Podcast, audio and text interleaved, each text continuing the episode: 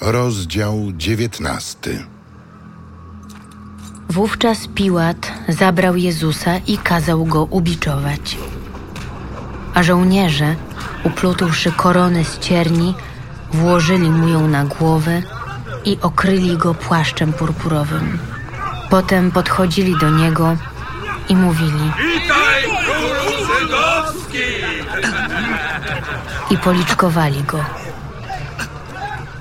A Piłat ponownie wyszedł na zewnątrz i przemówił do nich. Oto wyprowadzam go wam na zewnątrz, abyście poznali, że ja nie znajduję w nim żadnej winy. Jezus więc wyszedł na zewnątrz w koronie cierniowej i płaszczu purpurowym. Piłat rzekł do nich, Oto człowiek. gdy go ujrzeli arcykapłani i słudzy, zawołali. Ukrzyżuj! Ukrzyżuj! Zabierzcie go i sami ukrzyżujcie. Ja bowiem nie znajduję w nim winy. My mamy prawo, a według prawa powinien on umrzeć. Sam siebie uczynił synem Bożym. Gdy Piłat usłyszał te słowa, jeszcze bardziej się uląkł. Wszedł znów do pretorium i zapytał Jezusa. Skąd ty jesteś? Jezus jednak nie dał mu odpowiedzi. Rzekł więc Piłat do niego. Nie chcesz ze mną mówić? Czy nie wiesz, że mam władzę uwolnić ciebie? I mam władzę ciebie ukrzyżować? Nie miałbyś żadnej władzy nade mną, gdyby ci jej nie dano z góry. Dlatego większy grzech ma ten, który mnie wydał tobie. Odtąd Piłat usiłował go uwolnić. Żydzi jednak zawołali. Jeśli go uwolnisz, nie jesteś przyjacielem Cezara. Każdy, kto się czyni królem, sprzeciwia się Cezarowi.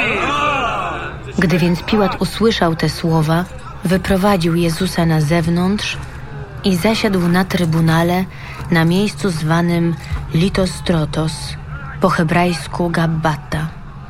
Był to dzień przygotowania Paschy, około godziny szóstej i rzekł do Żydów. Oto wasz król.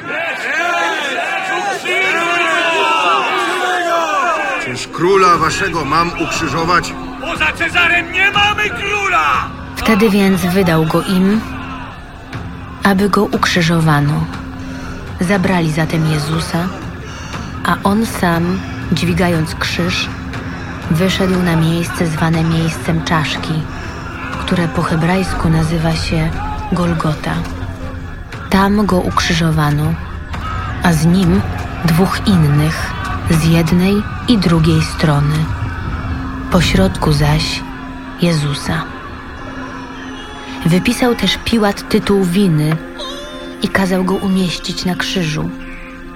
A było napisane Jezus Nazarejczyk, król żydowski.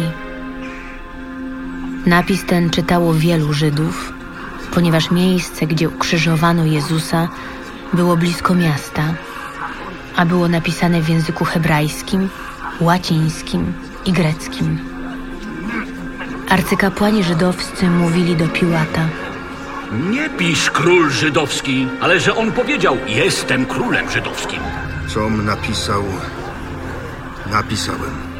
Żołnierze zaś, gdy ukrzyżowali Jezusa, wzięli jego szaty i podzielili na cztery części.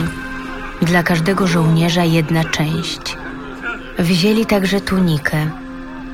Tunika zaś nie była szyta, ale cała tkana, od góry do dołu.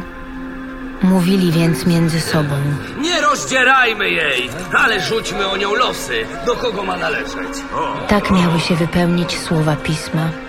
Podzielili między siebie szaty moje, a o moją suknię rzucili losy. To właśnie uczynili żołnierze. A obok krzyża Jezusowego stały matka jego i siostra matki jego Maria, żona Kleofasa i Maria Magdalena. Kiedy więc Jezus ujrzał matkę i stojącego obok niej ucznia, którego miłował, rzekł do matki. Niewiasto, oto syn twój. Następnie rzekł do ucznia. Oto matka twoja. I od tej godziny uczeń wziął ją do siebie. Potem Jezus, świadom, że już wszystko się dokonało, aby się wypełniło pismo, rzekł. Pragnę. Stało tam naczynie pełne octu. Nałożono więc na hizop gąbkę nasączoną octem i do ust mu podano. A gdy Jezus skosztował octu, rzekł Dokonało się. i skłoniwszy głowę, oddał ducha.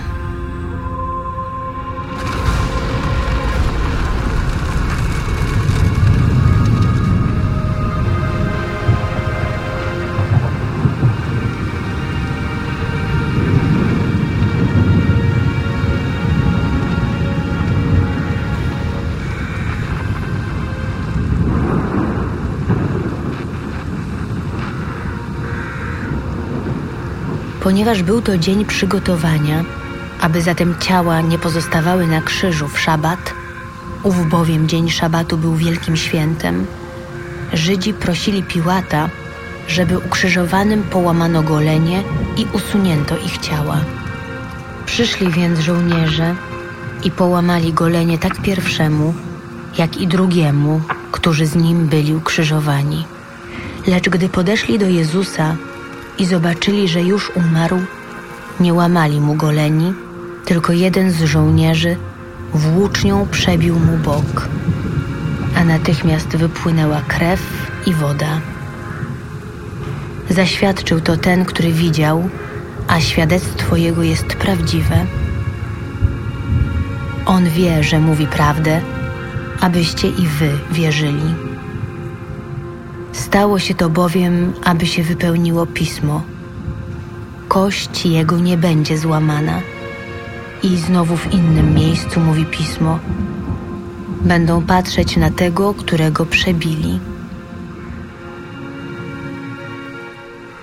Potem Józef z Arymatei, który był uczniem Jezusa, lecz krył się z tym z obawy przed Żydami, poprosił Piłata, aby mógł zabrać ciało Jezusa. A Piłat zezwolił. Poszedł więc i zabrał jego ciało. Przybył również i Nikodem, ten, który po raz pierwszy przyszedł do Jezusa nocą i przyniósł około stu funtów mieszaniny mirry i aloesu. Zabrali więc ciało Jezusa i owinęli je w płótna razem z wonnościami stosownie do żydowskiego sposobu grzebania. A w miejscu, gdzie go ukrzyżowano, był ogród. W ogrodzie zaś nowy grób, w którym jeszcze nie złożono nikogo. Tamto więc, ze względu na żydowski dzień przygotowania, złożono Jezusa, bo grób znajdował się w pobliżu.